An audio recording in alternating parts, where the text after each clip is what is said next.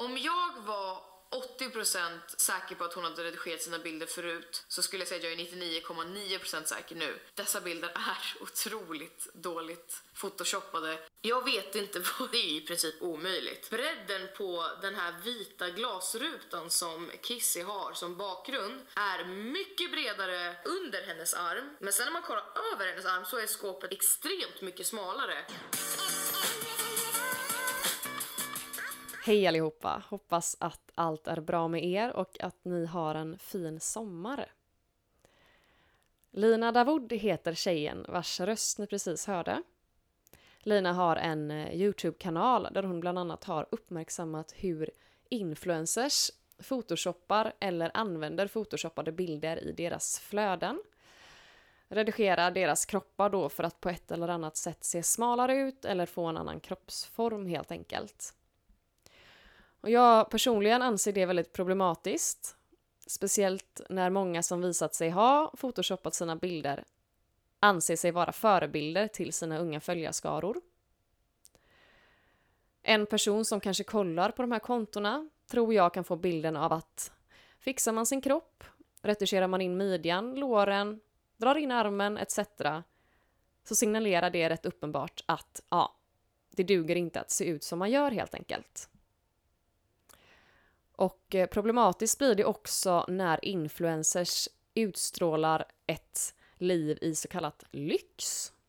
Och lägger man ihop ett plus ett så signalerar det att ett glamoröst liv även innebär att man ska fixa sitt utseende och sin kropp. Och har man varit sjuk i en ätstörning själv så borde man ju veta att det många gånger är där det börjar med ett kroppsmissnöje, kroppskomplex. Så återigen, som jag har nämnt i tidigare avsnitt, för att inte göda den ätstörningsproblematik som redan existerar så bör vi kanske tänka till och med två gånger extra innan vi väljer att publicera något. Och jag vet att sociala medier inte är den enda orsaken till att en ätstörning uppstår, men jag är rätt säker på att det är en väldigt stor bidragande faktor. Och till personer som vi nämner i det här samtalet så är det inte riktat mot er personligen. Det hoppas jag att ni förstår. Men åter till Lina. Jag hade slått på micken och inser efter en stund att mitt linne åkt ner. Så allt börjar med en liten bröstchock. Men här har ni Lina Davoud. Ah, kul att ha dig här. Tack. Frida är så chockad från bröstet kan fan inte prata. ja men det är... Grejen är att det är för att jag märkte det inte först. Jag bara satt och trodde att allting var normalt. Vet du, jag har gjort likadant. Jag, jag har fan klubbat med tutten ute. Så det, jag tror att det är hellre att du bara sitter med en person i ett rum. Alltså, du satt lite här bakåtlutad och bara du, ditt bröst. Alltså, det är ju ändå en, en ny teknik för att liksom verkligen få vad är det man säger, gästen att bli bekväm. Tja! Blev du det? Ja. Känns som att vi fick en väldigt nära relation på väldigt ja. kort tid så här, jag halkade in på din Youtube-kanal. Ja, okej. Okay. Eh, förra veckan. Eh, och kände direkt att jag ville ha med dig ett avsnitt. Kan inte du börja med att presentera dig? Lite? Ja, hon som älskar brösten. Mm, Nej, eh, Lina Davoud heter jag. Eh, som du nämner har min Youtube-kanal. Som nyligen precis har blivit mitt deltidsjobb vilket är super, super, super kul. Eh, och jag studerar journalistik annars på heltid. Eh, nu är det lite sommarlov så att det är inte lika mycket plugg. Men snart är det dags igen. Så ja, journalistik, Youtube, musik när jag har tid och eh, runt helt enkelt. Härligt. Men när startade du din eh, Youtube-kanal? rent tekniskt sett 2010. Eh, då var det så här videos när Sean Banan uppträdde i Upplands Väsby centrum och jag bara oh my god. Eh, med typ så här filmad med en Sony Ericsson-kamera. Men när jag faktiskt startade den liksom på riktigt, att jag började använda den som en personlig kanal, det var väl vad är det, ett och ett halvt år sedan ungefär. Eh, ja, januari 2018. Kan du inte berätta lite om, om din Youtube?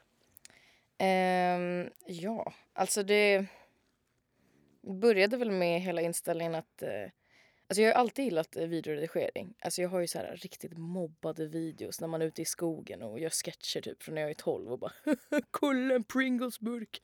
Eh, som, alltså, som ingen tycker är kul förutom jag som fortfarande tycker de är jätteroliga. Eh, men det var att jag kände att jag har så, här, jag har så mycket historier att dela med och så mycket så här, eh, saker jag vill göra framför kamera och jag tog tag i det helt enkelt. Eh, och sen så gick jag även in med inställningen att ehm, att inte låta liksom, eh, visningar påverka allt för mycket. Eh, självfall, alltså, självfallet är det kul att om man gör någonting och får respons. Det är klart att man blir glad över det. Eh, men jag har liksom så många videos som verkligen inte en människa kunde bry sig mindre om. Liksom. Eh, och sen andra videos som tvärtom. väldigt många människor har involverat sig i. Eh, så att eh, Sen har jag gjort en liksom sakta övergång. Jag tror att jag var lite rädd till exempel att uttrycka mina åsikter. Eh, framförallt liksom mina, mina absolut första videos där jag uttrycker en åsikt. Eh, det finns ju många människor som kollar och håller med till exempel. Eh, vad gör de? Jo, de lämnar en like liksom. Och om, om ens det. De kanske kollar och tänker ja, jag håller med. Så går de vidare i nästa video. Eh, är det någon som inte håller med, alltså hat då, eh, och verkligen känner ilska och hat, de kommer att responda. De kommer att kommentera, de kommer att dislika, de kommer att eh, berätta exakt i detalj varför allt du säger är hemskt och dåligt för att de blir upprörda. Alltså hatreaktionen väcker mer av en handling än vad en eh, gilla-reaktion gör. En gilla-reaktion är så här, jag håller med, okej. Okay. Ha en bra dag, liksom så. Eh, och det var ju lite det som gjorde att jag eh, vart lite rädd till en början för att när jag började uttrycka mina åsikter, typ, jag minns att jag gjorde någon video om eh, gud vilka var det då? Bröderna Berg tror jag, två bröder. Eh, då var det ju, alltså det är jättemånga som var så här, du är helt ute och cyklar, håll inte med dig alls, de är jättesköna. Sluta vara så liksom eh, trångsynt, ja men vet väldigt mycket sånt. Och det är klart att man, man backar lite när, när man inte får något stöd. Jag tror det är därför väldigt många till exempel youtubers känner en rädsla av att uttrycka sina åsikter. Eh, jag tyckte det var intressant till exempel JLC som är hur stora som helst de berättade i en video ganska nyligen att ja, men de undviker att uttrycka sina åsikter. Eh, och att de är medvetna om det. Och jag förstår varför. För att ibland är det så lite it's better not knowing. För att de har ju liksom så pass många visningar just för att de kan träffa så stor målgrupp. Men om alla till exempel, säger att alla vet att ja, Jonas Fagerström, han röstar på fan vet jag, Centerpartiet. Liksom.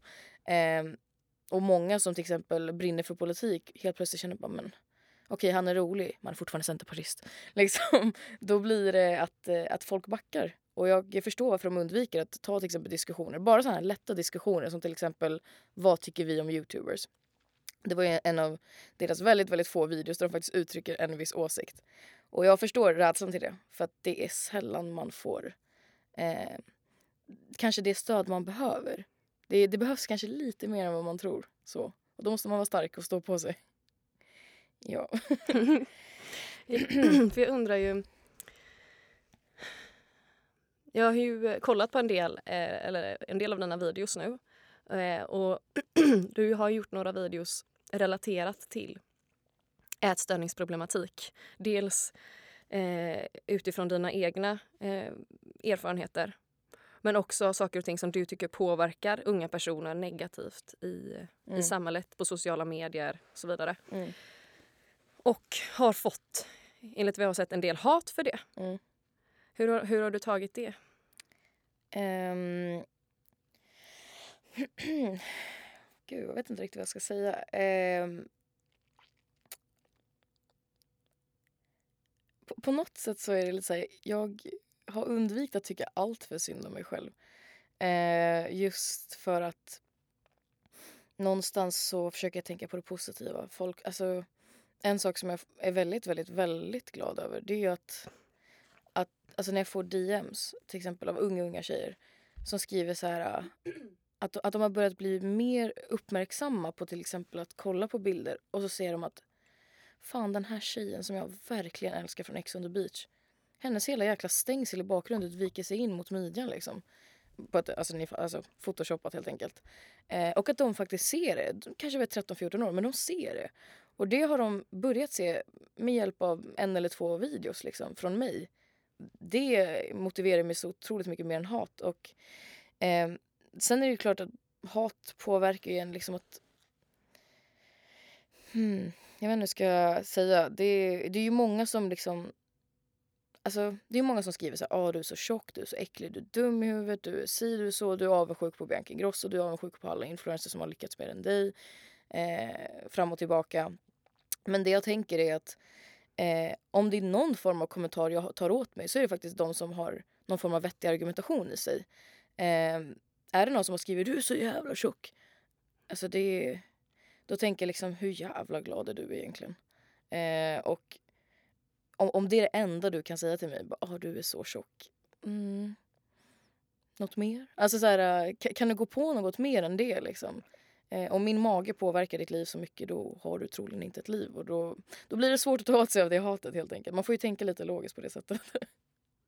Ja, alltså kan du berätta för de som inte vet vad, vad det är du har pratat eh, om i, i dina eh, Youtube-klipp angående det här med eh, Photoshop? Mm. Eh, Okej, okay, det hela började en kväll med att eh, min lillebror visade mig en video från Nerd City. Eh, en amerikansk youtuber som väldigt, väldigt, väldigt sällan uppdaterar men när han väl gör så är de väldigt kvalitativa. Ehm, och han visar liksom hur eh, hur, hur de här människorna som man vardagligen följer, kollar på eh, inte bara photoshoppar men även så här, eh, ta, ta bort finnar, facetunar, slätar ut huden och så vidare. och så vidare. Eh, han går helt enkelt igenom lite kort hur man själv kan se det. Jag av ren eh, nyfikenhet och verkligen blir så uppslukad av det här. Eh, sitter hemma en kväll, har faktiskt inte så mycket för mig att göra just den kvällen. Så de som har kommenterat, du har inget liv. Nej, jag hade inget liv den kvällen faktiskt. Um, men eh, jag går in på min Instagram och börjar så här, söka upp. Liksom. Jag börjar kolla runt. Människor med över 10 000 följare, tänker jag. Liksom. Eh, börjar scrolla. Och Instagram har ju på senare tid den här nya funktionen att man kan zooma in med, med sina egna fingrar och kolla. Eh, och då menar jag liksom att man inte behöver skärmdumpa och sånt där. Eh, börjar kolla runt och bara... Okej, okay, här har vi en.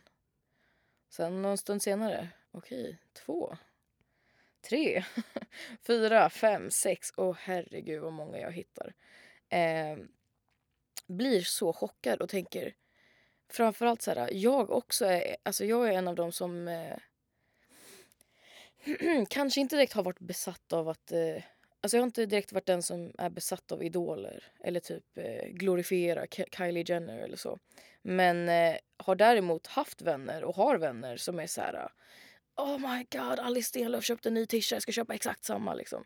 Eh, alltså helt enkelt eh, ser upp till en viss person och tar in allt. Tar in liksom verkligen allt, suger åt sig. Eh, och jag vet själv att, eh, att det påverkar. Liksom, att man, att, även om man inte ens följer folk så kan man du vet, bara gå in på den här utforska-sidan på Instagram och så ser man massa bilder och bara nej, jag kommer aldrig ha råd att åka till Bahamas. Eh, fan. Eh, och jag kommer definitivt inte ha råd att köpa den där bikinin utöver för att ta den där bilden. Eh, men ja, och jag har inte den kroppen heller liksom. Eh, och så blir man lite besviken. Eh, därför vart jag även så, så pers alltså personligt så chockad när jag bara tänker herregud, så här, vissa av de här har typ 200 000 följare, 300 000 följare och sen Bianca som då hade strax under en miljon. Eh, då gör jag den här videon som heter Influencers photoshoppar sina bilder.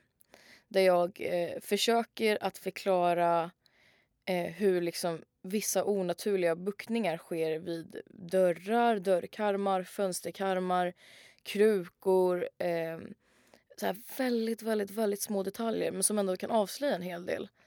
Eh, just för att man själv vet att ja men, ja, men en lampa gjord av stål den är, den är rak liksom. Ja, men den här lampan som är här bredvid oss. Nu kanske inte ni ser som lyssnar men det är en lampa bredvid oss. Eh, så då gjorde jag den videon. Den videon eh, fick en ganska explosiv reaktion i och med att jag drog upp offentliga personer. Och det vart lite den här exposed, oh no. Eh, och eh, vad ska man säga, Sverige kanske inte är det mest eh, extremdramafyllda landet.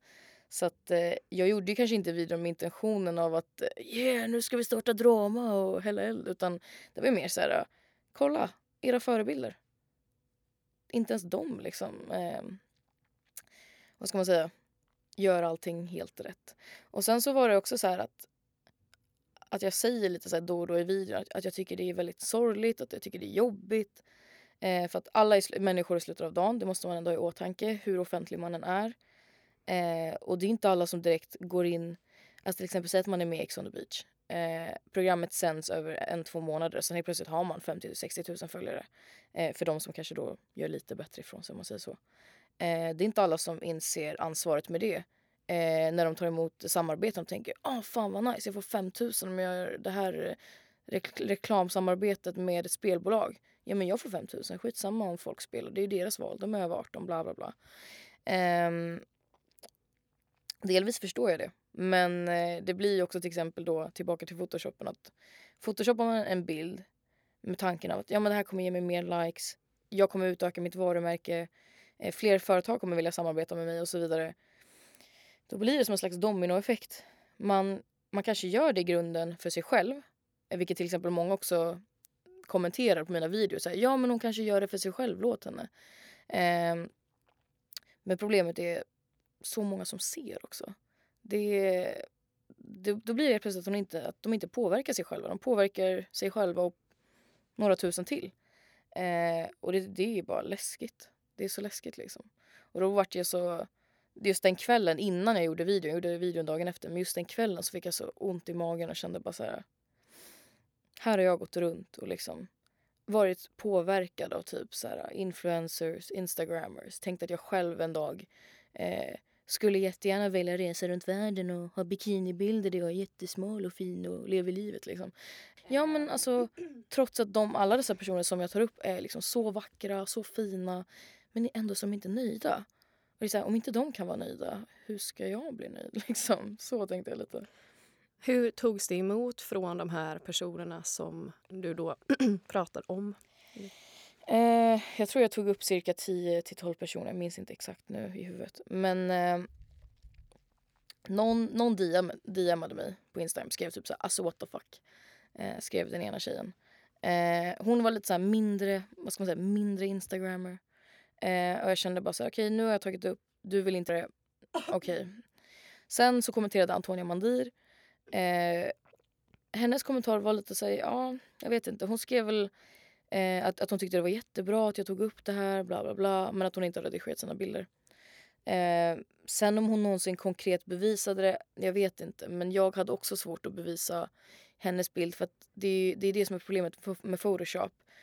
Eh, det är inte alla som gör de här extrema ändringarna. Där liksom, alltså så här, oftast handlar det om mini-mini detaljer. Som att så här, ja, jag vill bara att, min, att, liksom, att mina kurvor ska se verkligen perfekt utbuktade ut. Eh, och så korrigerar de en väldigt, väldigt liten så här, penseldrag. Och det är svårt att se. Det, alltså, det, är liksom, det är därför jag i just den första videon är lite så reserverad. Just för att jag vet att nu går jag till angrepp av någon som har en stor plattform Eh, trots att jag inte kanske är 100% säker för att jag inte har den originella bilden i handen. Och det är också problem, alltså problematiskt för då är det så här, då är det många som bara hur kan du, hur kan du ifrågasätta någon utan att du har alltså bevis liksom till, till fullo. Och då känner jag så här, men jag kommer aldrig ha bevisen. Jag kommer aldrig ha liksom, tillgång till Bianca Ingrossos fotoalbum. Jag kommer aldrig ha tillgång till Antonia Mandis fotoalbum. Eh, men om jag ifrågasätter så får man se responsen. Och det här responsen kom då för att ja, Antonia Mandi hon sa ju bara att jag inte redigerat den och så var det inte, alltså det var inte mer med det liksom. Jag kände ändå att jag eh, redan vid, vid första videon hade gjort en förändring. Och det var att ja, men 100 000 pers hade sett den och att de bara helt enkelt var mer uppmärksamma. Och redan där hade lilla jag gjort någonting. Eh, men sen vände ju det när Bianca Ingrosso hör av sig. Eh, för att eh, då var det... Ja, det var liksom att hon nekar ju, jag har inte gjort det. Ehm, eh, och jag försöker eh, förklara för henne eh, varför jag fortfarande tror det. Och att jag liksom säger, ja men jag, jag hör dig, jag lyssnar på dig. Jag förstår själv att ibland ser saker skevt ut men eh, eh, det här är varför jag tror det. Och så förklarade jag det noggrant för henne och så vidare och så vidare. Sen så var det egentligen inget mer med det. Det var eh, två videos jag gjorde. Influencers photoshoppar och sen Biancas svar hette den andra. Eh, sen så tänkte jag att okej, okay, då har det här lagt sig, tack och adjö. Eh, tills... Eh, och just, sen var det liksom just att jag hade fått väldigt mycket hat men att jag var så okej okay, det, det kommer ju lägga sig. Folk bryr sig när det är aktuellt och sen efter en månad så är det något annat som är mer intressant och så går de vidare. Eh, men ungefär en, två månader senare så var det just att eh, att någon skickade en bild till mig bara det här Lina måste du se. liksom. Och då var det en bild på Bianca, eh, en ny bild då. Och då bara gapade jag. Eh, jag, jag var och jobbade och satt i så ett omklädningsrum, kollade på min mobil och bara du skojar med mig. Här sitter jag och tog emot så mycket hat och till och med liksom ifrågasatte väldigt mycket av det jag själv hade sagt. Ifrågasatte om det var rätt, var det moraliskt rätt? Har jag, fått, har jag sett till att Bianca fått massa hat i onödan? Bla bla bla. Eh, alltså, jag, tror att, jag tror att hon aldrig kommer tro mig men jag har alltid haft respekt för, för hennes liksom, känslor och integritet. Sen har jag velat alltid ifrågasätta hennes handlingar, det har jag gjort också. Men eh, det är många som verkar tro att bara, du hatar Bianca Ingrosso. Liksom. bara, Nej, det gör jag inte. Liksom. Jag tror faktiskt att hon är säkert schysst. Det var framförallt den andra, alltså andra tillfället som verkligen var när även tidningar blev involverade, när norska tidningar blev involverade, när en man i Norge som hade typ 300 000 följare eh, kontaktade mig. Alltså då kände jag bara helvete, vad är det som händer? Eh, och det var i alla fall den andra, eh, då min tredje video där, där jag eh, benämnde till, eh, videon till någon så här, när Biancas bulimikort ballar ur.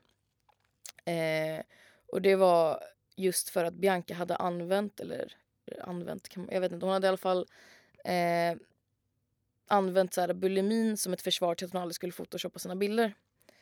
Eh, och jag själv vet med mig, liksom, så här, jag har aldrig haft direkt någon grov ätstörning där jag liksom har behövt gå till behandlingshem eller så. Eh, det är en annan historia. Men, eh, men det är klart att jag, jag respekterar det hon sa. För att jag vet själv hur det är. Alltså det, är ju, det sätter sig mest i huvudet. Liksom. Visst, det påverkar fysiskt men det sätter sig i huvudet i slutet av dagen. Eh, då var det att jag verkligen ville så här, äh, respektera hennes bulimi och hennes eh, roll som förebild inom bulimi som hon snackade om. Och sen vart jag så jäkla förbannad när jag såg den här bilden eh, en och en halv månad senare eller två. Eh, där liksom, hon har lagt upp två bilder efter varandra i en studio. Ena, eh, det är en sån här studiolampa i bakgrunden eller någon, en sån här, det är en stolpe i alla fall som håller upp en hel bakgrund. Den är helt rak på ena bilden och på andra bilden ser det ut som ett krokigt S. Liksom. Eh, och då var det liksom inget tvivel. Det var, så, det var så brutalt tydligt. Och jag bara blev så chockad. Jag bara, den här tjejen har en miljon följare. En miljon! Det är, så, det är så stor siffra att det är ofantligt. Det går inte att få grepp om den siffran. Och hon lägger ut det här. Alltså då satt jag verkligen där med, med gapande mun och bara... Inte så här, okej, okay, om, om hon har en ätstörning och, och, vill göra sig smalare. Mer så här, hur vågar hon? Det är fan modigt ändå, tänkte jag. Eh, då såg jag mitt tillfälle i akt att verkligen eh, prove my point. Eh, och verkligen så här påpekat, okej, okay, var jag tveksam förut så är jag säker nu. Definitivt. Eh, och det var jag. Gör den videon. Hon respondar jäkligt fort. Videon hade knappast fått några tusen visningar innan hon svarade. Eh, eller svara, skrev till mig rättare sagt. Eh, och då var hon ju verkligen inte glad. Och det, det jag tycker var konstigt var så hur hon... Eh, alltså, även om, man, även om man inte har photoshopat bilden. Hon tog inte ens en titt på det jag hade, hade tagit upp.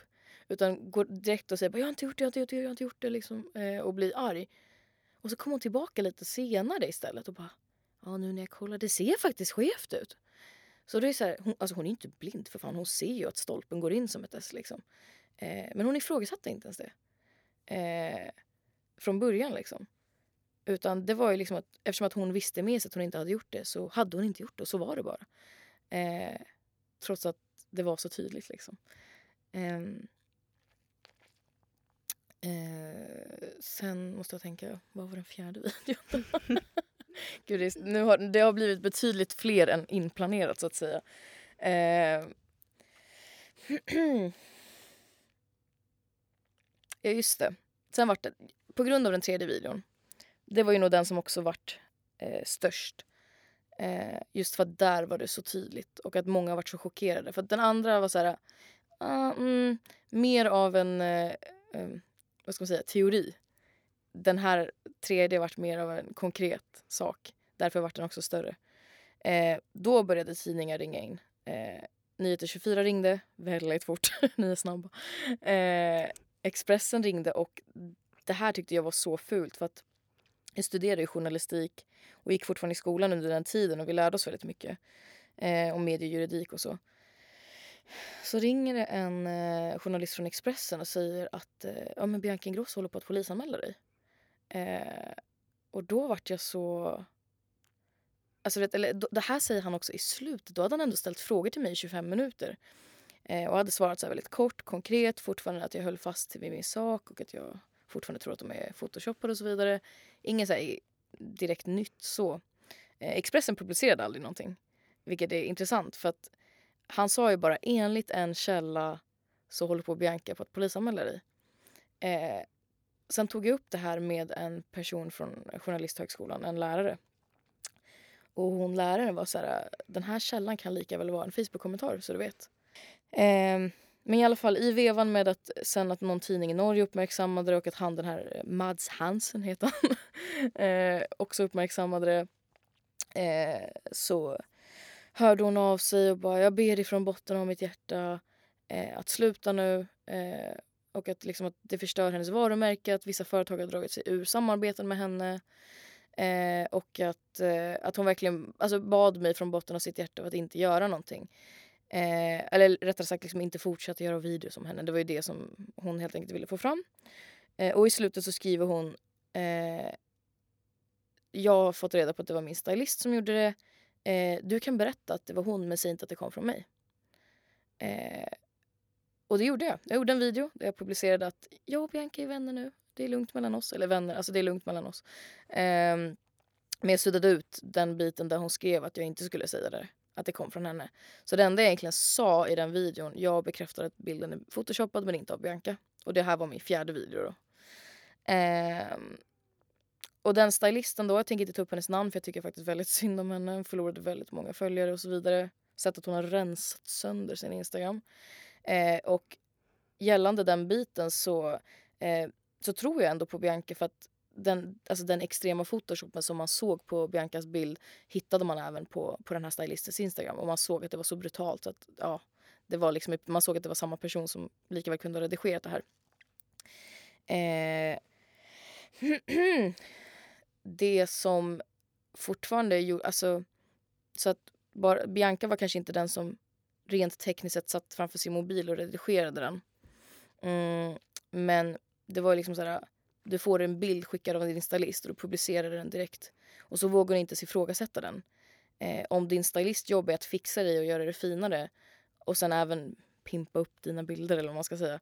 Eh, och att hon inte ens vågar ifrågasätta det. Det är fortfarande en liten besvikelse. Att, eh, att eh, blint förlita sig på någon annan när man har en miljon följare och sen när någon väldigt konkret bevisar att någonting stämmer inte här. Eh, direkt bara säga nej men jo, jag vet att det, det är sant liksom. Och sen komma tillbaka fast ja, det ser skevt ut liksom. Eh, det är fortfarande en liten besvik besvikelsekänsla. Sen så vill jag ändå klargöra att mitt mål har ju aldrig varit att Åh, Bianca ska få massa hat och så. Och tyvärr så var det ju väldigt många som eh, som väldigt så här elakt var så här, haha kolla det är så brutalt eh, ändrat liksom. Istället för att bara ifrågasätta så här eh, kan du svara på det här?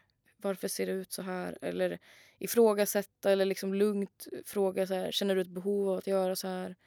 Eh, och så vidare och så vidare. Utan det vart liksom att hon och jag fick motta väldigt mycket. Jag, alltså jag säger inte att hon inte fick ta skit, för det fick hon. Hon fick minst lika mycket hat som jag fick. Så det gick båda vägarna.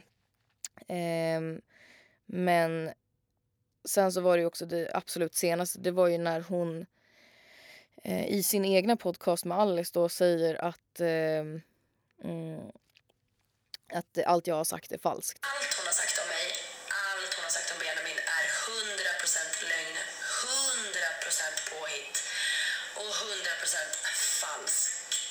Fast nej, kom inte och säg att jag har sagt det falskt. Jag har fan krigat mig igenom den här jävla videovevan och tidningar och behövt argumentera för min sak om och om, och om igen. Um, och sen så bara, nej men det är falskt. Man bara, fast ah, vet du, jag fick utstå en hel del tills jag bevisade det. Eh, så nej, det var inte falskt. Det var bara du som inte vågade ifrågasätta dig själv. Eh, vad ska man säga? Det är väl eh, det är mänskligt att, att man tror på sig själv. Liksom, så. Eh, men vågar man inte ifrågasätta sina egna handlingar och kritisera sig själv ibland så tror jag inte man utvecklas heller. Eh, och i och med det så fick jag ta en hel del för det. För att hon har större plattform, lojalare följare och så vidare. och så vidare. Var det, var det många av hennes följare som hoppade på dig? Gud, jag hade vänner som såg upp till henne. Eh, och som var så här, men Lina, så här, kan du inte bara låta henne vara? Det är jättemånga som säger, kan du låta henne vara? Eh, och jag är så här, vet, när det kommer till att låta henne vara, absolut. Alltså jag, jag har aldrig följt Bianca, alltså varken innan och varken efter. Eh, men, men det var ju handlingarna som jag, som jag inte klarade av. För att jag själv vet att ja, men om, min, om min vän sitter och ifrågasätter så här, mig för att hon är så lojal gentemot Bianca, en tjej som hon aldrig har träffat, en tjej som hon aldrig har liksom känt, kommer känna.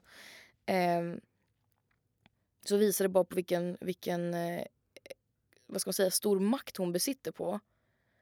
Och att, av att bara lilla jag ifrågasätter det. Och att det ska bli... Och att bara den lilla ifrågasättningen blev så här, så stort liksom. Eh, ja, men jag bara fick såna lite... Jag har som sagt aldrig haft någonting emot henne. Men ta lite ansvar. Du har otroligt många liksom, människor som följer dig. Och ser allt. Och verkligen vet, så här, bara eh, sväljer allt. Alltså när jag menar sväljer, då menar jag så att hon åker till eh, Italien. Jag köper också en resa till Italien. Eh, och jag tror inte att hon är helt dum i huvudet och inte vet att hon har den kraften. Eh, men det är just också därför jag försökte göra en poäng när hon snackade om bulimi med mig. Och jag sa så här, men vad bra att vi är på samma sida för att jag vill också göra en förbättring inom ätstörningar på samma sätt som du vill det. Eh, och det är därför jag gjorde dessa videos från början. Och då var hon väldigt förstående. Bara, Gud, jag förstår det. Ja, gud, ja, ja. Men det var inte jag, det var min stylist. Liksom. Eh, och liksom så. Så jag tror inte att hon kommer från en, vad ska man säga, bad place. Men det var mer att hon vågade aldrig ifrågasätta det. Och då vart det fel ändå, typ.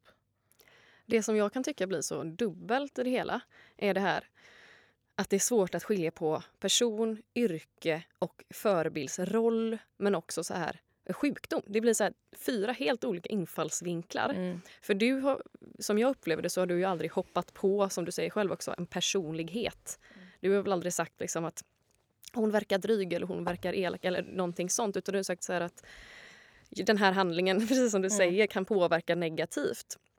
Och så kanske hon eller någon annan influencer då tar det personligt och också så här drar in ätstörningsproblematiken i det hela. Och då blir det också så här... Eh, det var, ju, det var inte det du sa från början heller, känns det som. För, för, det, för det som jag har sett av dina klipp är ju att du bara konkret lägger fram fakta. och så här, Jag hoppar inte på person, utan så här är det. Är man offentlig så får man ju också kanske ta, kunna ta kritik. Mm. upplever jag att det är det du har sagt. Eh, men så kanske de tar det personligt ändå och bara “Vad fan, vad gör du? Det, det, var, det, var, det var inte alls meningen, det var min stylist, det var min bror, eller inte bror men... Eller, ja, det var Benjamin. jag, jag, nej men jag vet inte, men att det blir sådär eh, så himla svårt att ta på det här problemet på något sätt för att det finns så många olika infallsvinklar. Men det är det som också är grejen. Alltså Bianca Ingrosso är inte bara en person. Bianca Ingrosso är ett varumärke. Hon är ju sitt egna varumärke. Och jag, jag vet ju hur det är. Alltså, nu är inte jag ens i närheten av den storleken som hon är på. Men, men jag vet hur det är när till exempel min Youtube-kanal blir nu mitt jobb. Men det ska handla om mig och det blir så här, jag blir mitt egna varumärke. Och sen ska man särskilja det här. Det är, jag förstår hennes problematik. Det är inte det att jag inte har förståelse för henne. Jag har alltid haft förståelse för henne. Eh, men det är precis som du säger. Det blir att eh, jag kritiserar en handling och hon tar det personligt. För att den handlingen handlar ju om henne. Helt enkelt. Och jag tror att det är väldigt få som vågar eh, kritisera så stora influencers om jag ska vara helt ärlig.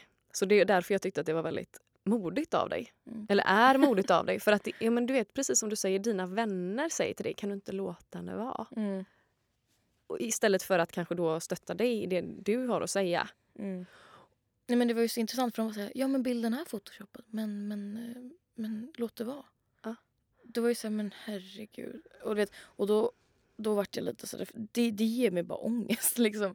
Att någon eh, älskar Bianca så pass mycket att så här, hon gör fel men ingen behöver veta om det. alltså, så, så villiga, alltså, så lojala följare har hon. Att de är villiga att försvara henne i vått och torrt. Och det är väl fint på ett sätt liksom, att, att hon har så lo lojala liksom, följare. Liksom. Det kan man väl ändå tycka är fint så. Problemet med det är att då är de lojala även eh, vid dåliga tillfällen. Eh, och när någon gör någon dålig handling eller något dåligt så behöver man inte, bara för att man är en lojal följare så behöver man inte dyrka dem och liksom man kan fortfarande säga så här, vet du vad, jag eh, gillar fortfarande ditt innehåll, din Instagram, din, dina Youtube-videos, bla bla. Eh, det är synd att, att, eh, att det blev så här. Hoppas att du har ögonen öppna ifall någon annan fixar dina bilder åt dig och du bara publicerar dem. Eh, det kan man säga som en lojal följare. Men vissa var ju så här, eh, alltså de så lojala att det var så här, det är okej, gör det. Redigera om du vill liksom. Låt henne bara vara. Eh, det, det är jobbigt framförallt när det är någon man själv som är vän till tycker så. Liksom. Varför tror du att eh, framförallt unga personer har eh, ett behov av att ha en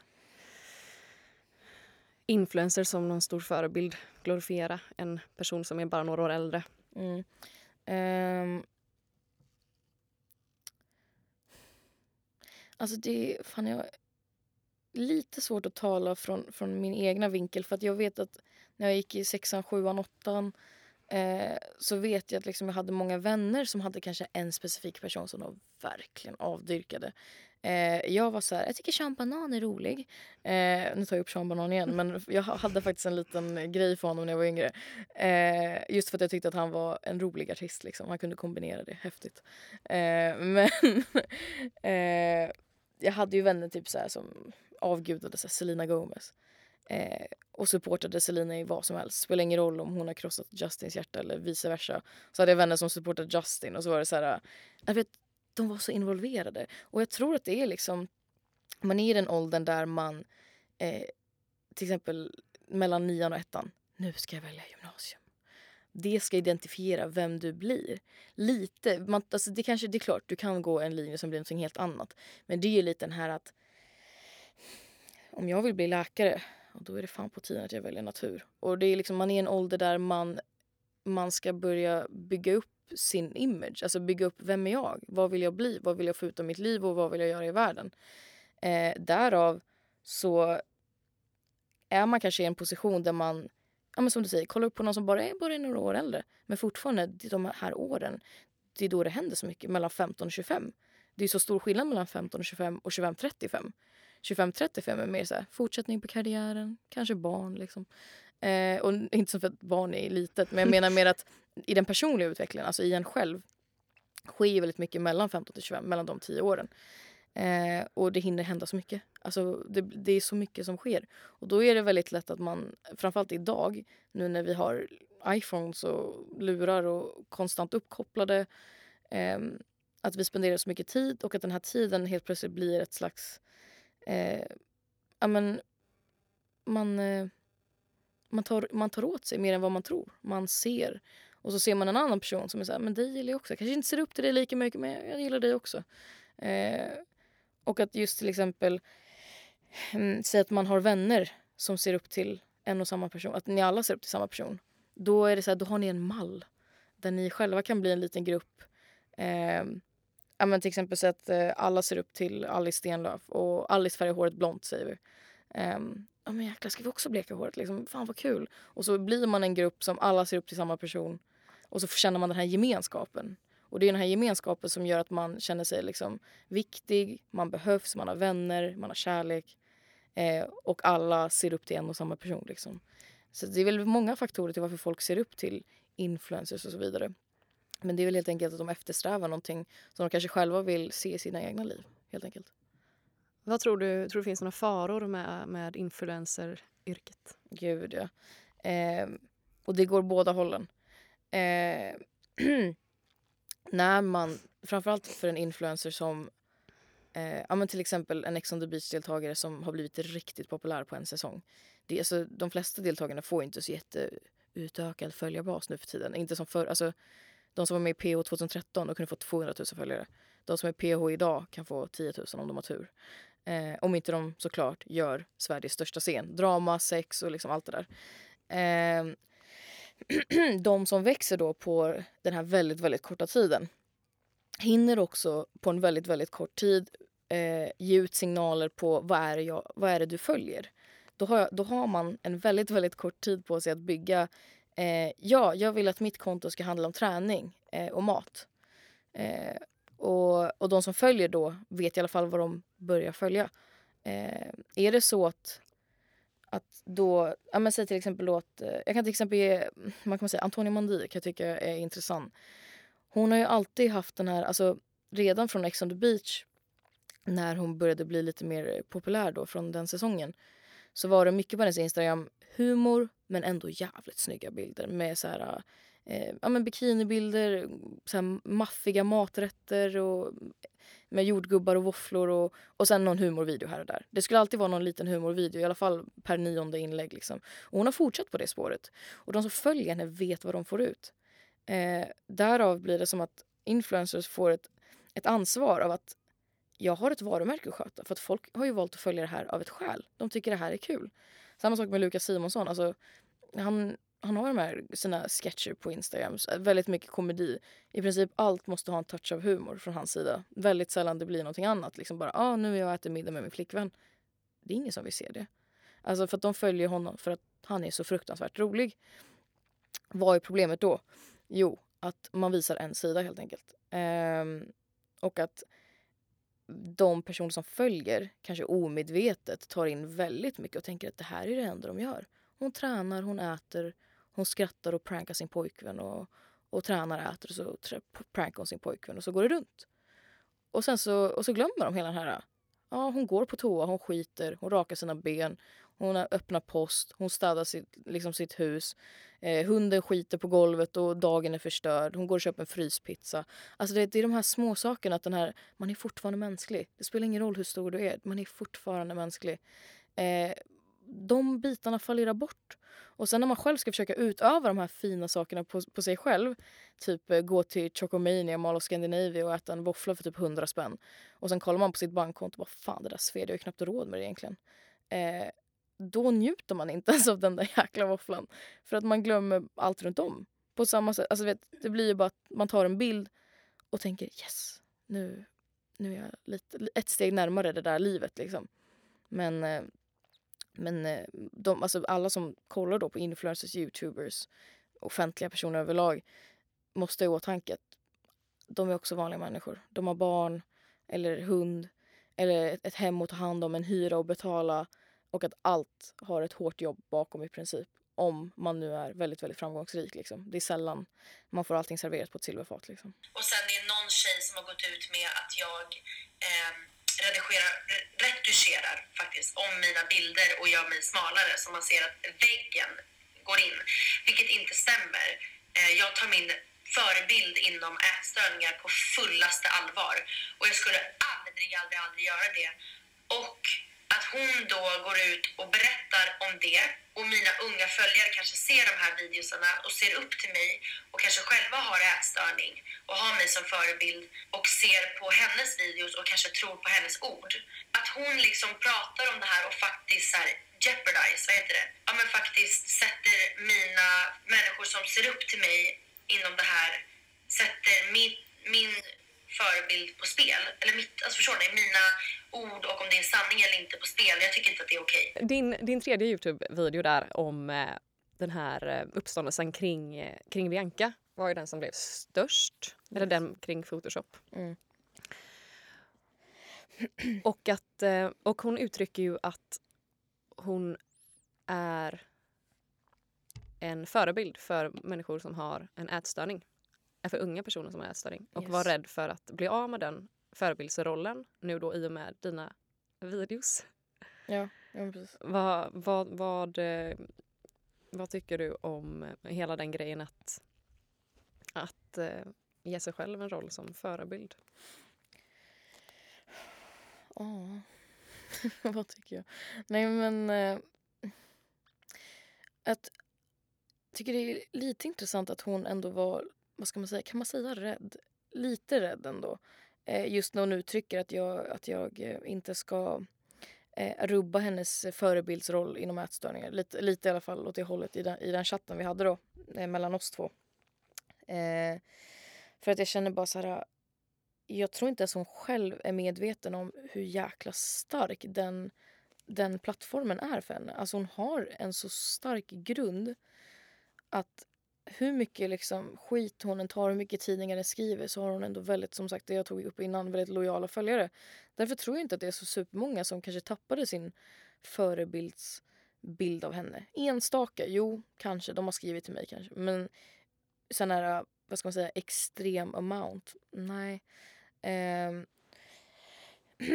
och jag kan, jag kan bara ge ett sånt intressant exempel. Uh, jag vill inte benämna deras namn men jag träffade um, ett par eh, på en festival. Eh, och jag hade aldrig träffat dem förut. Och de är, de är betydligt större än mig på, på både Youtube och Instagram och allting. Framförallt en av dem. Eh, jag stötte på dem på en festival. Jag kollar ju på dem, men jag känner ju inte dem så jag hälsar inte direkt. Men jag känner igen dem för att jag vet vilka de är. Eh, den ena, hon, hon är tjejen i förhållandet, hon bara nej men gud det är du. Så här. Hon bara älskling kolla det är hon. Så här. Och så hämtar hon då sin pojkvän eh, och de, de har då liksom, ja, de jobbar tillsammans som offentliga personer. Eh, och de, den ena då han uttrycker bara gud jag kollar på dina videos senast igår. Eh, tycker du är så duktig och hela, du vet, och framförallt de tog ju såklart upp den här grejen med Bianca för att det är de, de videorna som är bland han är störst. Eh, och eh, bara, ah, men gud du har så rätt, det där är så sjukt liksom. Eh, så modigt av dig. Väldigt mycket så här hyllande ord. Och sen samma kväll, hon var ju på den festivalen jag också var på. Samma kväll så lägger de upp så en bild på Insta-story. Där, där de typ kramar henne och hon lägger upp en bild på honom när han kramar Bianca. Eh, och typ säger såhär, oh, ah, nej men, åh, jag är så avundsjuk på honom för att han får krama henne. Och då, eller de är så mysiga, liksom så här, väldigt så här, fina ord. Jag tycker att det visar på hur eh, vilken makt hon besitter på. Alltså att, att folk samma dag, samma jäkla dag säger till mig så här, ja men du vet det är så skevt det hon gör eller gjorde. Eh, så, så modigt av det bla bla och sen samtidigt bara oh my god det är så kul att få krama Bianca. Eh, jag tycker det säger väldigt mycket om hur mycket makt hon besitter på. Eh, och det är klart att fan var stolt över det, liksom, du har en jäkla makt. Men eh, alltså att sen ge sig själv då den här förebildsrollen som hon då så himla fint försvarar eh, är lite så här... Jag tycker det är bara intressant hur hon... Eh, eh, nu baserar jag det här på väldigt, väldigt lite information för att jag inte följer henne så mycket. Men då till exempel i en video uttrycker eh, jag tar min förebildsroll på största allvar etc. Eh, etc. Och sen i podcasten så här då med Alice bara, nej men Alice gud, eh, ska du inte ha en sallad typ? Eh, snackar om mat på ett väldigt så här, mm, intressant sätt om man kan säga så. Då känner jag så här, hon har ju också själv uttryckt att, att, eh, att hon inte känner sig 100% frisk, att hon har sina dåliga dagar och så vidare och så vidare. Eh, och då känner jag så här, eh, om någon har dig som förebild för att du kämpar på, för att du fortfarande är på bättringsvägen för att du är ärlig och säger jag är inte helt frisk men jag, jag försöker och så vidare, jag har mina dåliga dagar. Då är det en sak. Men om hon själv säger att men jag är en förebild, liksom, jag tar min förebildsroll som hon så själv har alltså, gett den till sig själv så fint på största allvar. Men sen då talar emot sig själv lite i, i de handlingarna hon då uttrycker genom att säga till exempel oh, nej men gud, nej jag åt eh, pizza häromdagen, eh, fick ångest typ. Eh, då, då blir man lite så tveksam. Jag ska ta klia mig så låter Scratch, scratch. nej, nej men eh, då blir det att liksom, det, blir, det, blir, det krockar helt enkelt. Eh, för att om, om du inte är frisk nog, ge inte dig själv den förebildsrollen bara. Sen om någon annan har dig som förebild, då är det liksom så mycket mer genuinare för då, då tar de dig för den du är helt enkelt. Men om du sätter upp dig själv på en liksom så här, säger man piedestal? pedestal Pedestal kan inte säga Piedestal. Pedestal. Nej men alltså man sätter upp sig själv där. Då, uh. jag ska inte säga ord, det är bara där. men sätter man upp sig själv där så blir det mycket mer att leva upp till. Och då blir det jobbigt när hon då till exempel talar emot sig själv. Som i hennes podcast, hon väldigt mycket uttrycker känslor, personliga åsikter och så vidare. Eh, vilket man självfallet ska kunna göra. Men liksom ge inte dig själv då den fullständiga hej jag är frisk förebildsrollen utan det, det är liksom bara betydligt bättre att hålla sig till det där att hon faktiskt är ärlig och öppen som hon är i väldigt många tillfällen. Och är så här, jag har mina dåliga dagar. Ja, jag fick ångest av att äta pizza liksom. Eh, och då kanske även klargöra så här känner du att du är sjuk i anorexi eller bulimi eh, då kanske inte jag är den optimala förebilden just nu för att jag är själv inte fullt frisk. Det hade känts som en mer logisk eh, Alltså som, som en mer logisk sak att säga. Förstår du vad jag tänker? Mm. ja, men jag, det är ju det jag har funderat på, på väldigt mycket. Jag kan ju... Vet att jag och, och jag och mina vänner kan väl typ filtrera sån information lite. Alltså nu när man har kommit upp i, i eh, blivit lite äldre när, när, man, när man hade såna här förebilder och, mm. och glorifierade. Eh, men, men det som blir grejen är att jag vet ju att även fast till exempel Bianca kanske inte menar någonting illa när mm. hon säger Va Alice, äter du aldrig en sallad? Mm. Äter du någonsin en sallad? Ja, mm, ja. för all del. Ja. Fortsätt. Jag äter, inte, jag äter inte pizza måndag, tisdag, onsdag, torsdag. Men du äter ju så pizza, hamburgare, eh, sushi och vad är det mer du brukar äta? Tacobar, tacos. Ja, du mm. pratar om det som att det är något konstigt. Ja, för mig från en ätstörningsperspektiv så är det så här jävlar vad sjukt att du äter så uh. en hel, alltså varje vecka. Ja, men jag tvingar mig själv att göra det för att jag inte ska börja tänka på att det är en grej att äta bröd. Typ. Nej, nej. Men pizza äter jag kanske lite väl mycket för att bevisa någonting. Men ja. eh, jag tränar ju också så jag försöker tänka att... För jag åt ju liksom ris igår och jag bara shit jag äter ris nu. Oh, så, så blir det så här om typ ett gäng 14-åringar lyssnar så bara ja, ah, Bianca eh, äter bara sallad eller vad hon nu sa. Och, eller man ska i alla fall inte äta bara pizza. Och då ska inte jag heller göra det. Alltså, även fast inte Bianca vill att unga personer ska få en ätstörning för att hon vet uppenbarligen hur jobbigt det är mm. och hur mycket det har påverkat hennes liv. Så tror jag att människor som har så pass stor följarskara inte ska prata om mat på det sättet. Om man inte typ går i en behandling i så fall. Eller har gått i en behandling och känner sig helt fri från, mm. eh, från problemen. Mm. För det blir, det blir väldigt konstigt. Alltså, jag själv kan ju bli jätteprovocerad när jag hör sånt. Bara, man ska bara äta det här för det här är det här det här av människor som inte är friska. Mm. För, för det påverkar ju unga personer mm. eh, med en sämre självkänsla. Och det borde kanske Bianca också veta eftersom att hon också har varit där en gång. Ja. Så det är väl det jag kan tycka ibland så här. Ja, ja det, är jättebra att man är öppen om det kanske och pratar om det. Men ibland så kanske man inte ska vara det ändå för att om man inte tar hjälp ens. Eller om man inte har tagit hjälp. Mm. Eh, för det blir ju den här eh, det blir så dubbelt då liksom. Att så här, jag har en ätstörning, okej okay, fine, men mm. jag, eh, jag äter inte innan jag dricker. Men jag faller ihop på stan, som en av hennes vloggar hette. Jo precis och, eh, och just Alltså just att hela den här, hon blir, hon är fortfarande mänsklig liksom och, hon, och det var det vi snackade om innan att hennes varumärke blir hennes, alltså hon, hon själv är sitt varumärke och det i sig är jäkligt komplext. Eh, och det, det är också det jag tror många tycker är så fint med henne. Just att, eh, att eh, hon är bara så öppen liksom. Eh, säger exakt eh, det hon vill och tänker och tycker och, och liksom inte ska begränsa sig och så vidare. Men det blir precis som du säger att det, det går liksom emot varandra. Eh, och att någon som då kanske är 13, 14, yngre person som fortfarande försöker få grepp om livet eh, kollar på henne och tänker att men gud, hon är, liksom, hon är, hon är så perfekt trots sina flaws. Förstår du vad jag menar?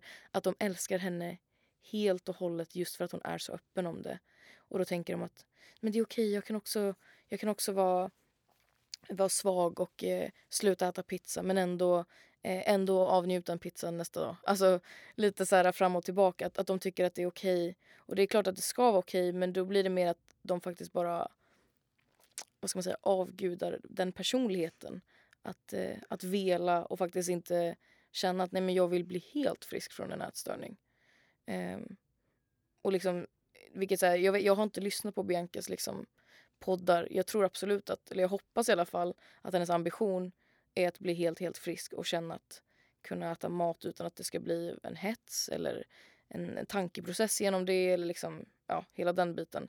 Eh, men om hon själv inte är helt, alltså om inte hon själv känner att hon har nått dit varför då börja ge andra advices redan. Eh, hon har säkert absolut en hel del bra att säga. Men, eh, med allt så kommer ju även det dåliga. Liksom. It's the full package så att säga. Mm, det det och det jag säger inte att det är att någon har gjort det med mening eller med flit. Och Nej, Bianca precis. har väl uppenbarligen inte, vill väl inte ge någon bulimi. Nej. Eh, vilket kan- kanske inte kan ge en person, men man vill väl inte vara en, eh, Ett skäl till det. ett skäl till det. Det som är är att jag, när jag pratat med yngre personer så har det ju varit ett, en liten tävling om vem som kräks mest. Mm. Vem som har mest bulimi. Vem som, är, som äter minst. Alltså verkligen så här, den här riktiga tävlingen. Eh, Mm. människor som går i eh, högstadiet. För att när man ser, ser en influencer som, som uttrycker att hej jag har bulimi och bara ser det romantiserade livet med resor och, Mm. och hej och hå, eh, och en kropp som romantiseras. Då blir det ju så här, okej, det livet, den personen är lika med också att ha bulimi. Då ska jag också få bulimi. Mm. Men jag vet inte, jag har inget eh, svar på hur man ska lösa det. alltså Nej, så här. nej. Men för att det är svårt det där. För, det, för då är det väl många som säger, ska jag vara helt tyst om det då? Ska jag inte prata om det alls? Ja. I. Nej, men precis. Men det, det landar ju tillbaka i det hela den här eh, varumärkesinfluencer men ändå, i, alltså varumärket är den själv. Hon är så här, alltså folk som följer Bianca följer ju också delvis. Alltså det, det är ju liksom vice versa. Det ligger ju lite i följarnas ansvar också såklart. Sen är det svårt att sitta och säga att en 13-åring har jättemycket ansvar. Men, men det är just att Bianca har ju en press av att, eller uppfattar jag i alla fall som, jag uppfattar att Bianca har en press av att eh, lägga upp bilder på då eh, saftiga pastarätter, eh, pizza lite då och då med ett glas vin, eh, studiobilder, selfies. Eh, helt enkelt lifestyle-kategorin. Lite det jag snackade om innan, att man har en viss kategori man hamnar i och så blir det det man lägger upp. Eh, och jag, jag förstår liksom pressen från hennes sida. Eh, och sen är det så intressant liksom hur, hur hon... Alltså just det, det hela den här talar emot sig själv hela tiden. Det är kanske är det som gör att, att man kanske blir lite trött. I alla fall från min sida. Ja, Men till exempel när hon, hon skrev till mig så här från ingenstans. Typ, jag har inte ens Photoshop. Det var det enda hon skrev. Hon skrev bara en mening och sen så skrev hon inte mer. Eh, då, och sen så det ser man på Wahlgrens värld. kommer Pernilla Wahlgren och säger så här. Ja men gud Bianca hon är så besatt när det kommer till Instagram och ta bilder. Och hon brukar ju så här, eh, retuschera bort sina finnar. Det finns ett klipp på det. Det, finns, eh, det är bara att söka på Youtube. Eh, där liksom mamman ändå bekräftar att hon har någon, någon form av redigeringsapp så att säga. Eh, där hon eh, retuscherar bort eller liksom, vad ska man säga, facetuner är också ett uttryck.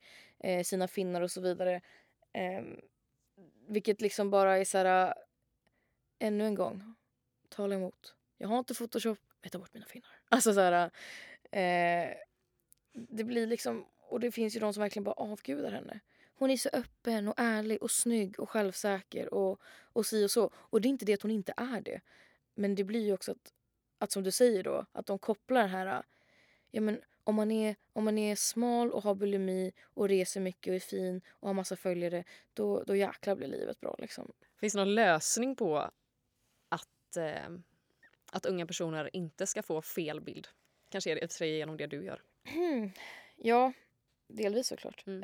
Eh, det som, som sagt, det som jag nämnde, jag tror jag nämnde det innan, men det som gör mig väldigt glad det är ju när någon skriver till mig att de faktiskt eh, har blivit så mycket mer uppmärksamma. Och jag får så fruktansvärt mycket bilder skickade till mig. Jag tror att folk har fått för sig att nu är jag en photoshop-polis som ska hänga ut allihopa. Eh, men jag får så fruktansvärt mycket bilder skickade till mig. Screenshots på så många offentliga personer. Såhär, fan hela den där byggnaden är ju sned liksom. Eh, eller liksom hela det här stängslet åker in i henne. Men det är, det, det är just det som jag är, är glad över, att folk ser. Vad är ännu viktigare då? Att folk uppmärksammar. Eh, får offentliga personer någon form av press i alla fall att nej men gud, mina följare uppskattar inte när, när jag photoshoppar mina bilder. Ja men då slutar de. Så visst, de kommer fortfarande att dela en viss bild, fortfarande från hela den här jag reser, jag tränar, jag äter god mat. Eh, det är svårt för det är deras varumärke och det är det de lever på, i alla fall de som lever på det. Men, men tar man liksom då den här ministegen att okej, fine, bada i bikini och ät gott och, och gör allt det där men, men liksom undvik då att ändra på din kropp. Liksom. Det är en sån liten detalj men det påverkar så mycket. Alltså en centimeter på kroppen är typ en kilo i verkligheten. Eh, eller ett kilo.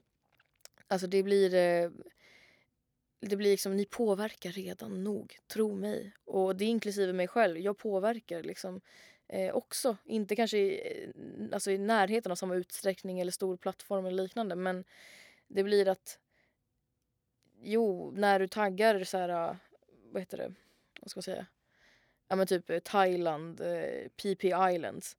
Redan där har du påverkat nog med att det här är ett vackert ställe, hit vill man åka. Eh, och sen så kollar de på bilden, klarblå vatten och så kommer de dit, äh, det var fan inte så blått liksom. Eh, och så känner de själv behovet av att fortsätta behålla den här imagen. Så då lägger man själv upp en bild där vattnet är också blått med ett snyggt filter. Liksom. Man bara, vi påverkar redan så mycket nog om man är offentlig eller är en influencer. Så att det sista du behöver göra det är det här äh, eh, dra in magen lite eller höften lite. Bara för att du ska bli den där perfekta Instagram-modellen och få de där 55 mer likesen. Alltså det är så här, det är inte värt det. Och om företag vill samarbeta med dig just för att du då har till exempel eh, en snyggare kropp när du photoshoppar den då är det kanske värt att ifrågasätta om det är värt de pengarna. Liksom. Eller om det är värt det, de eh, produkterna du får i utbyte, så att säga. Och det har man ju sett på en annan influencer. Nu tänker inte jag dra upp henne så men det var, en, det var i alla fall en influencer jag tog upp i den här första videon. Där det faktiskt var ett betalt samarbete.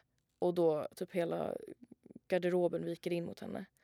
Och då kände jag lite så här. Ah, men om du känner att du behöver... Jag kan förstå att det kanske inte är det mest självklara att lägga upp en bild på sig själv i underkläder. Men om du känner att du behöver redigera din kropp för det. Mm, är det värt det liksom? Är det värt att så många ser dig och ändå känner så här att så här ser man ut liksom. Man har gigantiska pattar och, och en smal midja och sen har man en väldigt stor röv på köpet också. Man bara fan, har jag den fettplaceringen? oh god. det hade ju varit något. Nej men alltså liksom, det är så få som har det. det här, du, du nämnde i en video att, att, eh, att det blir extremt fokus på en typ av kropp, en typ av utseende mm. i samhället. Alltså att det glorifieras en typ av mm. eh, person. Vad, vad är faran med det? Ja, att man eftersträvar någonting och tror att det är vägen till lycka. Liksom. Eh, och sen går undan sin väg och förstör väldigt mycket som redan finns kring en. Relationer, ta, ta sin tid till att till exempel gå till gymmet istället för att hänga med vänner. Alltså, att, man, att man kanske blir lätt besatt och tror att det här är det som kommer ge mig likes, det här är det som kommer göra att jag blir populär i skolan, att alla killar kommer gilla mig. Eh, och så vidare och så vidare. Eh, och, det, och det är just det här att det kommer i perioder. Alltså rumpor är ju verkligen så här 2010 och nu det har ju inte varit så här, alltså, Nej men alltså det är liksom så här, Jag känner mig så gammal ibland för när jag pratar med dig. I början, jag bara såg dina vloggar. men vadå, är det, är det inne med? Nej men alltså jag menar liksom så här, du vet när eh, Nicki Minaj Superbase, den exploderade. Sen kom Kim Kardashians champagneflaskan på rumpan. Alltså de startade en rumpera. Och det har ju bara fortsatt liksom. Eh, och jag gjorde en video där jag photoshoppade min rumpa på, en, på ett konto för att se hur mycket följare jag kunde få. Eh, och hur mycket likes jag kunde få. Och jäklar vad mycket man fick. Alltså på väldigt kort tid med tanke på hur lite tid jag faktiskt la på det. Och då var ändå tanken att jag skulle lägga betydligt mer tid än vad jag gjorde. Eh, och då bekräftade det bara hela den här eh, alltså besattheten av till exempel rumpor just nu. Medans back in the days var det så här, okej, okay, visa magen. Kollar man på Britney Spears, Beyoncé, så tidigare videos var det mycket så här eh, att magen skulle vara inoljad, platt som fan. Lite så här de här strecken, att det skulle vara eh, så. Och det visst, det, det är fortfarande kvar lite att man ska ha platt mage men nu är det mer platt mage och en fet rumpa på köpet liksom. Eh, vilket inte gör saken lättare så att säga. Nej. Eh, så Jäkla massa krav. Jo men precis och ska man, ska man försöka eftersträva dem, alltså oh, jäklar ja. Visst har man försökt, jag har ju själv varit den där som bara nu ska jag få en jättesmal midja, yes. Då blir jag lycklig. Ja då blir jag lycklig. Eh, men eh, mm. Nej det blev man inte. Ja, det, det, det är en kort stunds eh, så här, jag gjorde det. Ja. Och sen inser jag att det är fan ingen som bryr sig ändå. Nej. alltså. Oh nej. Nej det är verkligen som du säger, det är en, en, en kort stunds tillfredsställelse. Ja. Sen är jag back, till, back på noll igen. Ja. Men, eh, men jag tänkte på det här, tror du att det är på väg att vända det här sociala medier? Eh, alltså en ny trend att, att visa sitt riktiga jag. Att eh, inte fejka så mycket. Tror du att det kan ske en vändning? Det är en väldigt bra fråga. Um, alltså jag är väldigt nöjd med min video för jag tror att den har ändrat svensk social mediekultur. I alla fall lite. Bara det faktum att jag typ, vad var det för någon dag sedan? Keo hade lagt upp en bild, hon har ju ganska många följare. Eh, där hon hade photoshopat sig extremt smal och bara ah, “jag känner mig fin idag” eller något sånt i beskrivningen. Den, den bilden fick ju typ så här, ja, jättemycket likes, jättemycket kommentarer. Och så såg jag även jättemycket kommentarer så här, ah, det är väl bara en tidsfråga när Lina Davoud gör en video om det här. eh, och du vet, och jag, jag, bara det faktum att Keo la upp en, den bilden visar på att, att spridningen av min video och uppmärksamheten från alla dessa sam, nu sammanlagt fem videos har bidragit till någonting. Och det är att folk vågar ifrågasätta. Är du verkligen så jävla smal? Eh, är din rumpa verkligen så stor? Och varför buktar stolpen åt helvete med dig då? Alltså det är att, att, att, att folk liksom stannar upp. De scrollar, de scrollar och de, istället för att direkt instant likea kolla på bilden bara en, några extra sekunder och bara det här är något som inte stämmer. Och helt plötsligt, bara den, bara den liksom öppningen, bara den medvetenheten helt enkelt eh, gör att alltså en, en liten förändring sker helt enkelt. Och det är jag väldigt, väldigt glad över att det har skett. Eh, och att då stora eh, influencers till exempel nu driver lite om att vet, de, de photoshoppar sig på ett sånt extremt sätt för att skämta om det lite. Eh, jag tycker att det, bi det bidrar till hela den här eh, liksom vakna till eh, larmet så att säga. För de som inte har sett den, vad heter videon och vad heter du på Youtube? Eh, Davud Lina heter jag på Youtube med D-A-W, två O. inte lättaste efternamnet. Men, eh, och jag, den första heter Influencers Photoshop på sina bilder. Mm. Eh, vad heter resten? Biancas svar, Biancas bulimikort ballar ur. Eh, nu är det bekräftat och, och den senaste Bianca Ingrosso håll käft. vad har ni för relation idag då? Jag och Bianca? Ja. Eh, hon har blockat mig på Instagram. Eh, jag blockade henne tillbaka. Och det förklarar jag i den här sista videon när jag sa Bianca Ingrosso tyst. Och det är när hon helt enkelt på sin podcast uttrycker att allt jag har sagt är falskt. Då kände jag, jag har haft väldigt mycket respekt för dig och ändå hållit det lugnt och sansat och hållit mig till sakfrågan. Eh, nu visar du bara på att du är troligen ganska omogen. Och det sa jag i den videon också. Att jag har fått den uppfattningen helt enkelt. Men det vet jag ju som, alltså, som sagt, det vet jag inte. Jag har inte hängt med henne, jag har inte umgåtts med henne personligen. Men den uppfattningen har jag fått. Jag hoppas ni ses på Spybar. Det kommer vi göra. du, eh, för att bara fokusera lite på, på dig. Eh, för jag vet ju att eh, du gjorde en video för några år sedan, eller kanske nej, för två år sedan, mm. där du berättade om din ätstörningsresa mm. lite. och hur mår du idag med, eh, hur är din relation med mat? Alltså min relation med mat skulle jag säga, det är bra, helvete vad jag älskar mat. Men eh, det, det jag tycker är liksom jobbigast det är liksom Alltså att när jag var eh, yngre och testade att trycka upp en tandborste i halsen och, och spydde under en kortare period så att säga. Eh, så det lyckades jag faktiskt sluta med väldigt fort. Det var så här, trots att jag var så ung så var jag ändå så här, någonstans växte upp i en läkarfamilj där eh, Eh, där till exempel mina föräldrar berättade att det räcker, eller det, så här, det var faktiskt en slump att min mamma nämnde det. Men typ att eh, att när man eh, rubbar till exempel eh, matsmältningen genom att spy upp så rubbar man även sin mens och så slutar man få sin mens. Och det här var precis när jag hade börjat få min mens vilket var så här, åh så kvinnligt att kunna fråga så här, åh har du tampong? Så eh, och bara den lilla rädslan att förlora sin mens väckte kanske ett hinder till att eh, faktiskt spy. För då var jag så här, men jag vill fortfarande ha mens, jag vill fortfarande liksom eh, fortsätta få mina, alltså jag vill fortsätta att mina bröst ska växa och jag visste att fortsatte jag spy upp då kanske jag skulle bli smal men jag skulle förlora mycket annat på det också. Så att, trots att jag var 13 så hann jag inse det väldigt fort. Därav så slutade jag också med att spy upp eh, efter en ganska kort period. Um, men sen är det det, alltså det psykiska, det sätter sig. Det är mer att, fine jag slutade spy. Men det var det, det här att kolla sig i spegeln och bara, jag borde gå och träna. Jag borde inte ätit den där hamburgaren. Um, det, det är de här mini-mini-ätstörningarna. Och just, just den här känslan tror jag att väldigt många relaterar till. För det är ju inte, liksom, det är inte alla som hamnar så där djupt ner att de liksom måste bli behandlade på behandlingshem Eh, eller dricker de här uh, dryckerna som väldigt många, de här, vad heter de? Gud. Näringsdryck. Ja, de här små lila. I've been there. Ja, ja men du vet vilka jag syftar Jo, på jo. som är kaloribomber Ja, liksom. Eh, det är inte alla som hamnar där.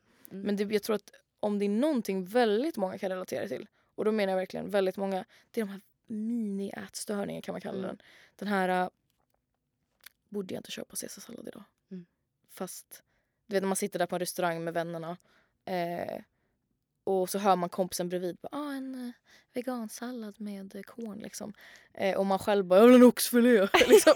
alltså, vet, man, Extra sås! Ja precis, precis. och då Ja. får man den här, alltså tyvärr, det kan jag känna, om det är någonting som sitter kvar så är det kanske lite det att jag är så här. Jag tar oxfilén men det är fortfarande den här lite mini-mini ångesten. Och den hoppas jag en dag försvinner. Alltså den här pytte pytte pytte pytte pytte lilla. Alltså de, den ångesten är verkligen så extremt liten. Så att jag, jag skulle liksom inte vilja ge den för mycket uppmärksamhet alltså, och, och snacka om det som att jag har en ätstörning än idag. Men det är mer att jag menar att jag tror att väldigt, väldigt många fortfarande har det. Alltså har, har kanske inte, som jag sa, gått ner i det djupa mörkret men har det här lilla, lilla... Ja, men jag, jag ska bara äta lite hälsosammare. Eh, och sen kanske det skiter sig. Men sen kommer de tillbaka någon månad senare och bara, men nu ska jag verkligen göra det. Och så fram och tillbaka. Alltså istället, istället för att bara verkligen säga, men lev. Ät. Okej visst, tryck inte i dig hamburgare dagligen, kanske inte det mest hälsosamma. Men är du sugen på det, fan ät liksom. Eh, bli, alltså, vet, utan, att, utan att det ska bli sån hets kring det och sån, såna plan eh, kring det. Det tror jag är nog det som än idag sitter kvar. Att just den här lilla, lilla, ska jag ta caesarsallad eller ska jag ta hamburgare? Det är någon som lyssnar nu som kanske är 13 Mm. som kanske har testat och kräkas, inte vet jag. Som du nämnde att du testade första gången när du var 13-årsåldern. Mm. Vad vill du säga till henne eller honom?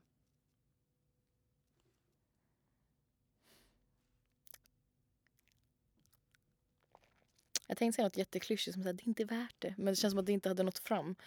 Ehm.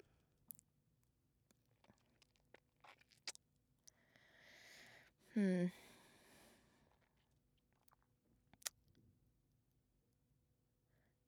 Jag kan säga så här. Då.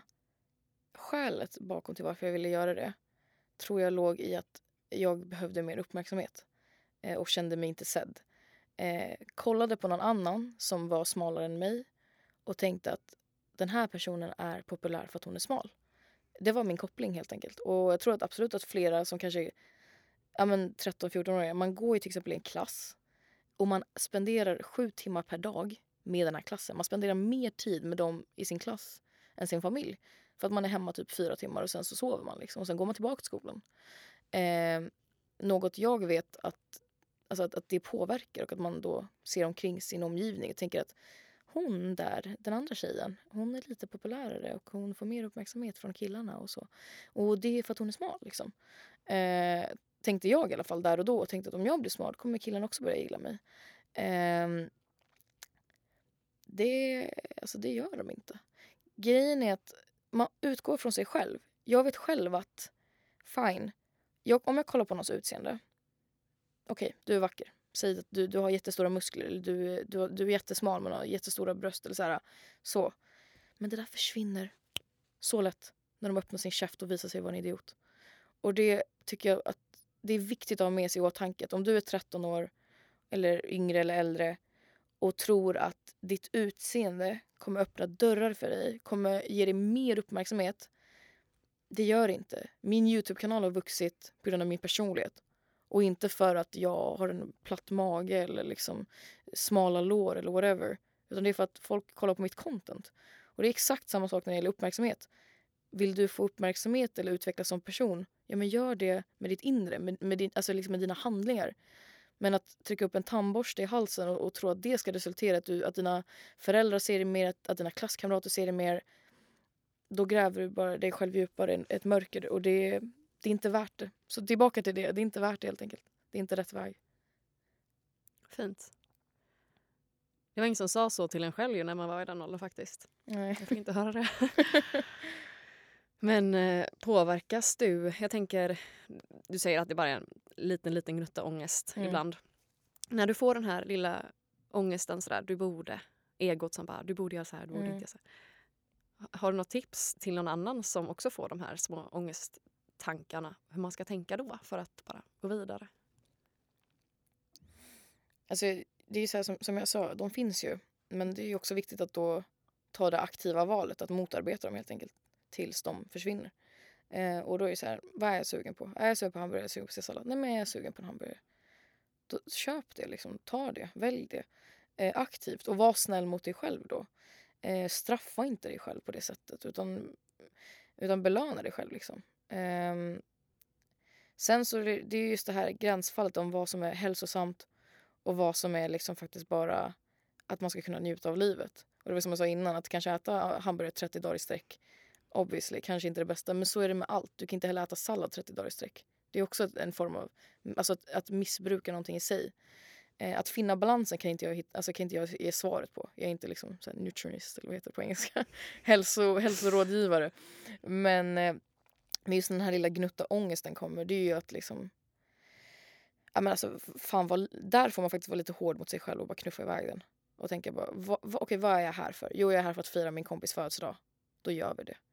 Eh, och skjuta iväg det. Kom, kom ihåg liksom alltid varför du gör någonting eller var du kommer ifrån. Och har du gått och köpt en pizza då har du fan gjort det för att njuta av den. För att det är söndag, du är bakis och du vill bara ha en pizza och kolla på en film. Gör det.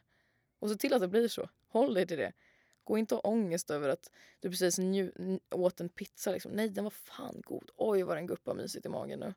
Nu ska jag sova. Alltså så här, eh, li- lite hård på det sättet mot sig själv att man, att man faktiskt njuter av det och bara liksom så här, fan lägg upp en bild och skryt om din maffiga pizza liksom. Gör det. Alltså så. Eh, ja men ta, ta det aktiva valet som du vet är så här för, di, för ditt psykiska välmående. Helt enkelt. Mm. Mm. Mm. Jag blev sugen på pizza. Jag var också sugen på pizza. Varför? Förläm, förlämtar Oh god. jag, tycker du, jag tycker du är en fantastisk förebild. Nej, helt gud, ärligt. Tack så jättemycket. Och det är för att jag väljer det inte för att du, du har sagt att du ska vara det. Men jag tycker verkligen det. Eh, precis som du säger, eh, din Youtube-kanal växer ju på grund av din personlighet. Alltså att fokusera på personlighet istället för kropp. Mm. Det är ett väldigt bra, konkret, handfast tips, tycker ja. jag. Men just för att man utgår från sig själv. Liksom, Frida, om du, om du går och blir kär i någon, går du och blir kär i deras hår? Eller blir du kär i dem som person? Liksom? Bara, nej, nej, nej. Ja. Alltså person. Bara, ja, precis. Nej, men det, är så här, det är bara det man kan utgå ifrån. Ja. Sen absolut att utseende kan man säga, ut, inget utsida är insidan en chans. Men eh, tro mig, de kastar utsidan lika fort om de ser insidan och ser att det finns ingenting. Liksom. Eller ja, så att säga. Eh, så att eh, ja, absolut att man kan få, jag kan se folk som till exempel då är så här ah, jättesnygga. Alltså lever upp till det här eh, idealet som vi snackade om att eh, smal midja, stor rumpa, stora bröst liksom.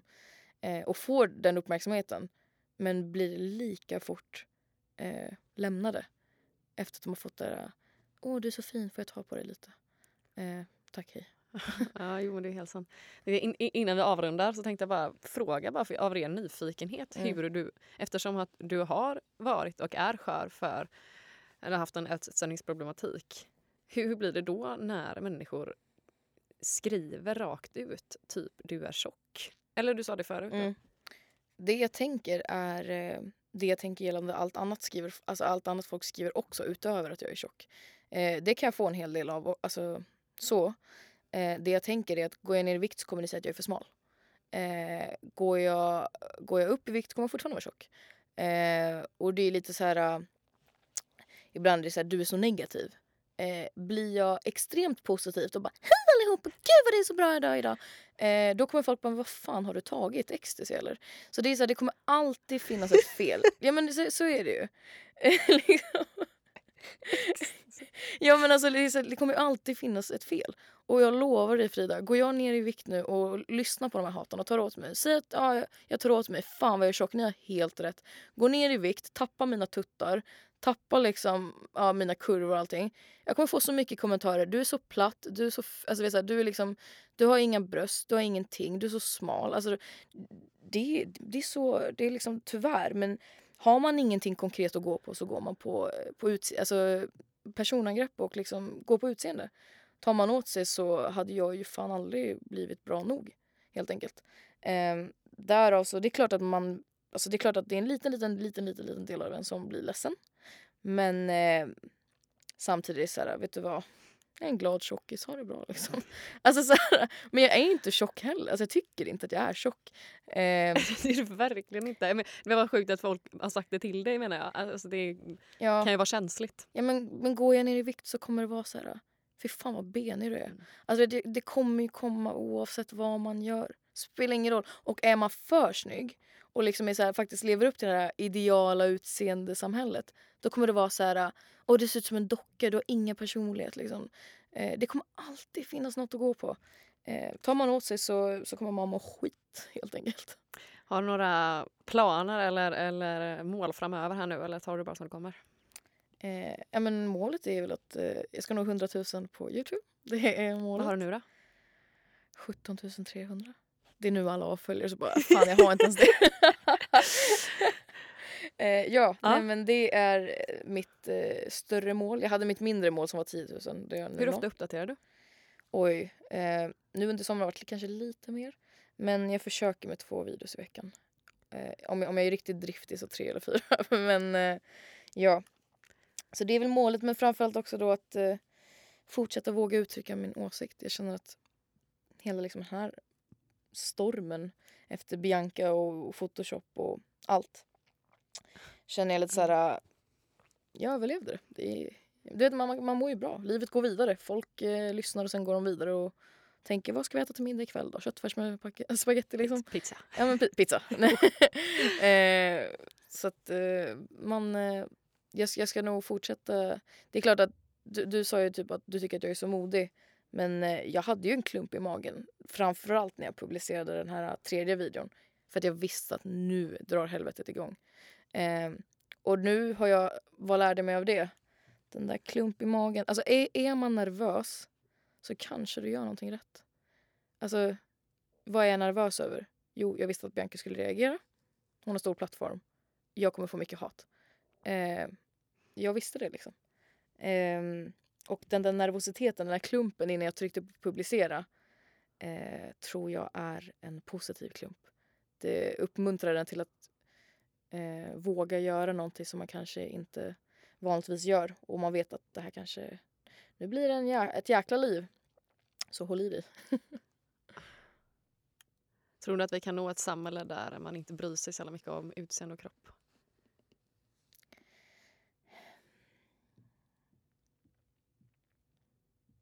Oh, svårt att säga alltså. Det är... Gud, jag ska inte ska försöka inte prata allt för länge men jag menar liksom att eh, många företag till exempel drivs av det faktum att det faktiskt finns ideal. Eh, finns inte idealen så finns inte de. Eh, till exempel så, ja, men ett ideal är att eh, kvinnor ska raka sig.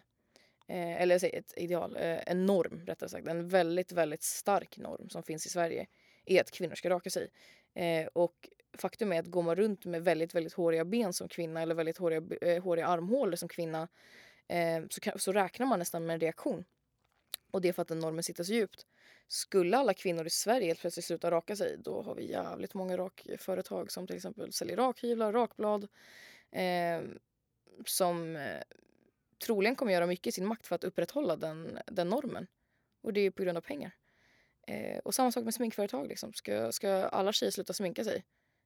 Alltså herregud vad mycket liksom indie beauty som precis har öppnat av Therese Lindgren och Ida Wargs Brun utan sol och eh, alltså du vet det finns så många företag eller Kinsas Ivy Revel som säljer kläder.